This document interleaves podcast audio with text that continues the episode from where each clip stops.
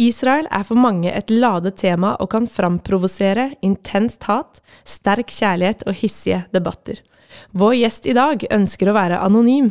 Han skal fortelle om en barndom i Iran, hvor han ble opplært til å hate Israel. I dag har det skjedd noe som gjør at hatet mot Israel er blitt til kjærlighet for Israel. Forstå Israel. Israel.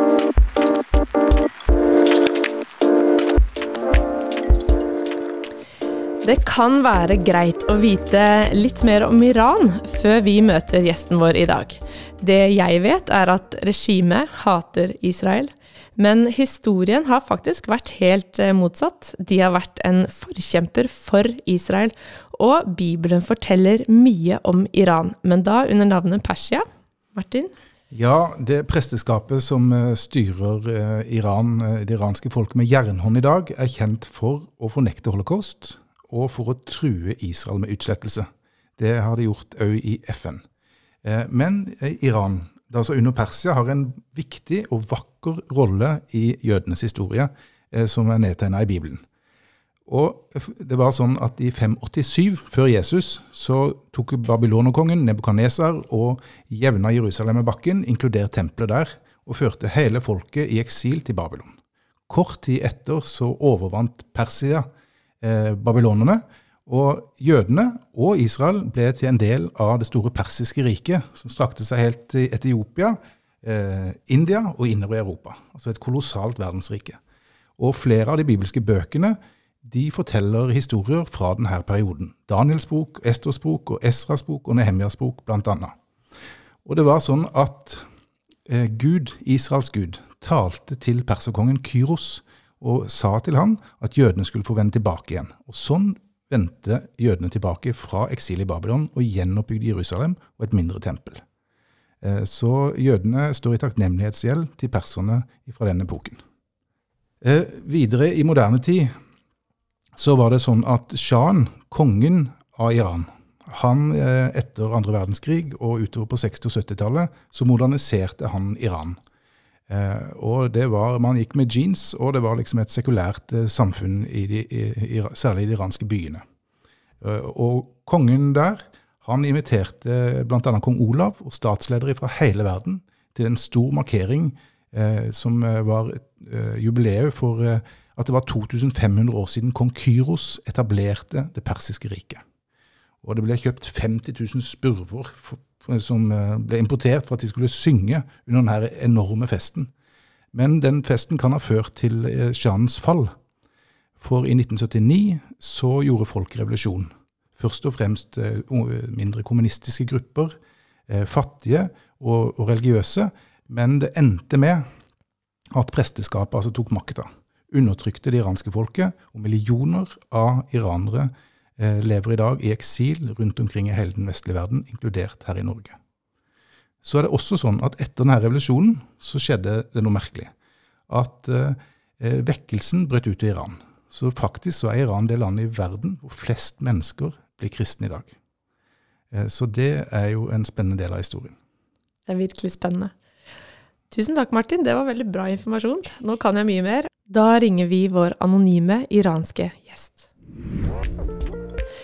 Da har vi fått på tråden her vår andre gjest, og det er en uh, fin fyr fra Iran som har kommet til Norge nå. Hallo, hallo. Hallo. Er du der, ja? Så bra.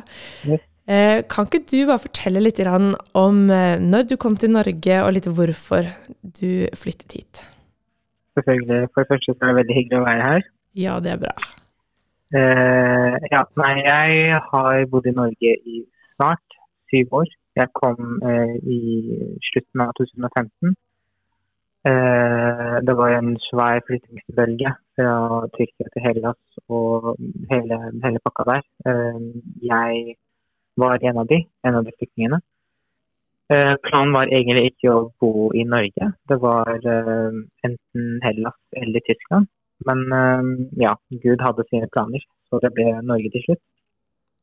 Eh, vi flytta hit fordi eh, moren min og søstera mi og familien ble forfulgt. Eh, de hadde blitt kristne for litt lenge siden, og de hadde hjemmekirke i Iran. Og det er jo ulovlig. Og eh, til slutt så fant uh, politiet ut av det, og de kom etter oss, og vi måtte bare flytte. Og det gjorde at vi bare kom mot Europa. Og til slutt så kom vi til Norge. Og det har vært syv år vi har bodd her, og det, det har vært ja, en velsignelse. Ja, tenk at du kan si det etter de forholdene der. Mm. Mm. Så godt å høre. Eh, samtidig veldig eh, sterkt. Eh, familien din møtte altså Jesus i, i Iran? Eh, der jeg kommer fra, så er vi veldig nær Tyrkia. Eh, og vi hadde, ja, vi hadde noen vi kjente i Tyrkia, så vi, vi hadde noen besøk vi gikk til Tyrkia noen ganger. Eh, det var en dag der noen iranere fra en kirke i Tyrkia kom og delte evangeliet med søstera mi og moren min.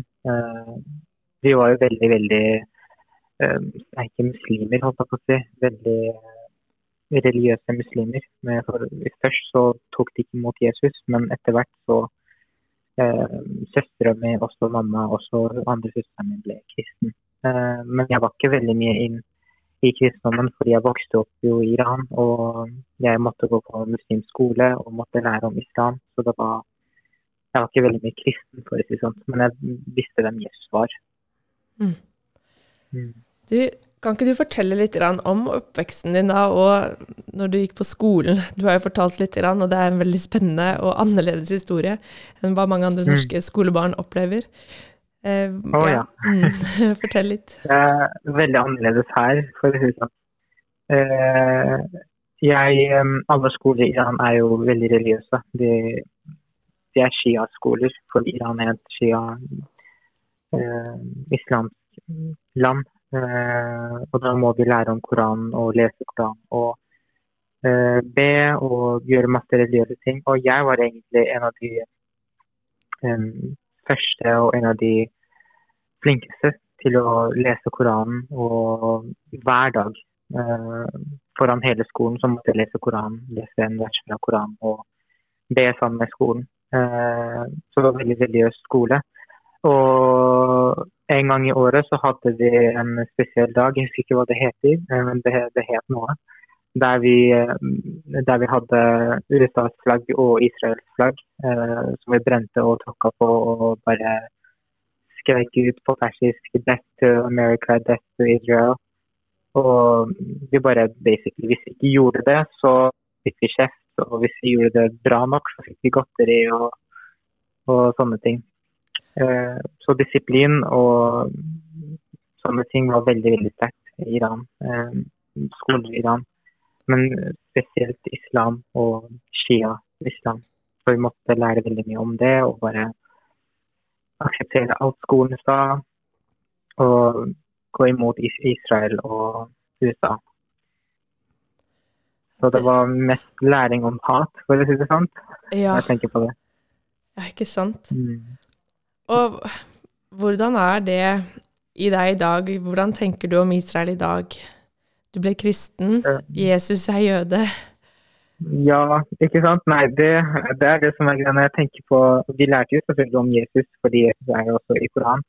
Men vi tenkte aldri på at han var fra Israel, eller han var jøde. Men akkurat nå så har selvfølgelig Jesus gjort store mirakler i mitt liv. Uh, han har gjort meg til en ny person, en ny skapning, som det står i andre korinterbrevet fem. Uh, og det hatet har blitt til kjærlighet. Veldig, veldig stor kjærlighet.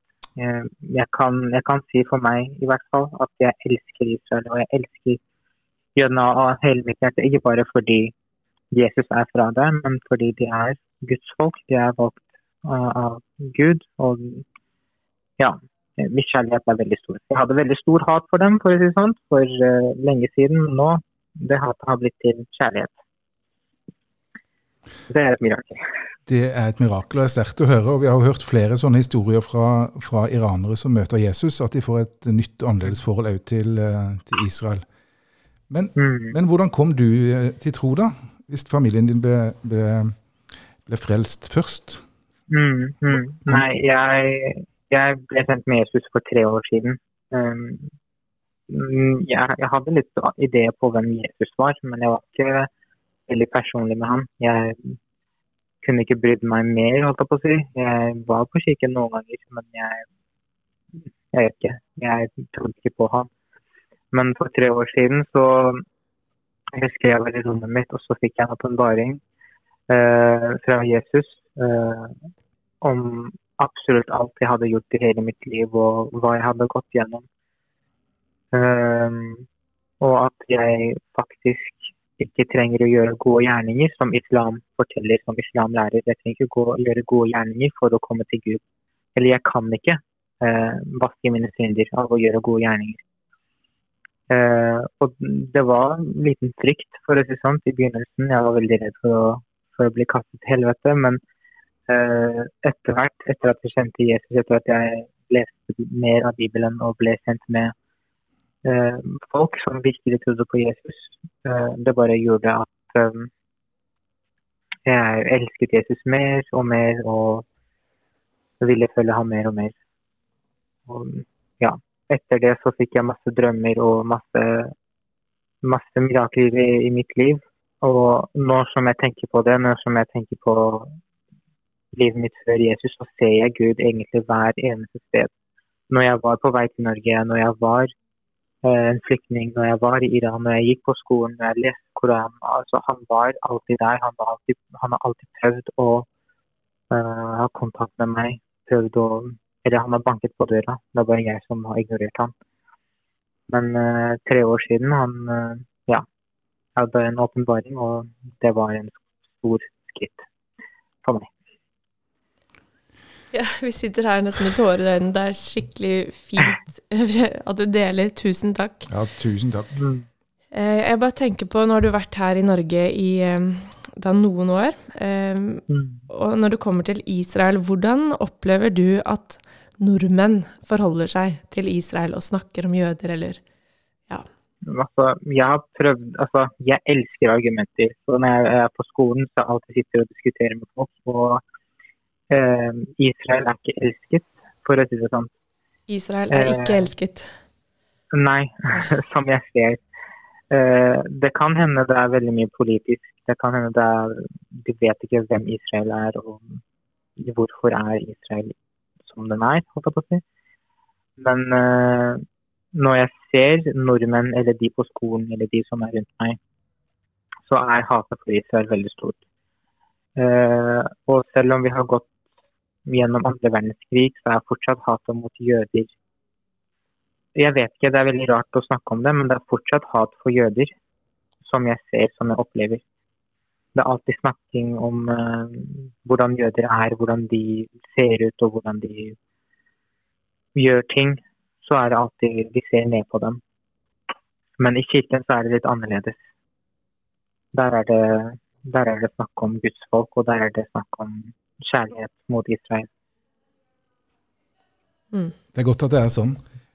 Du, mm. du er med her eh, som en anonym i dag.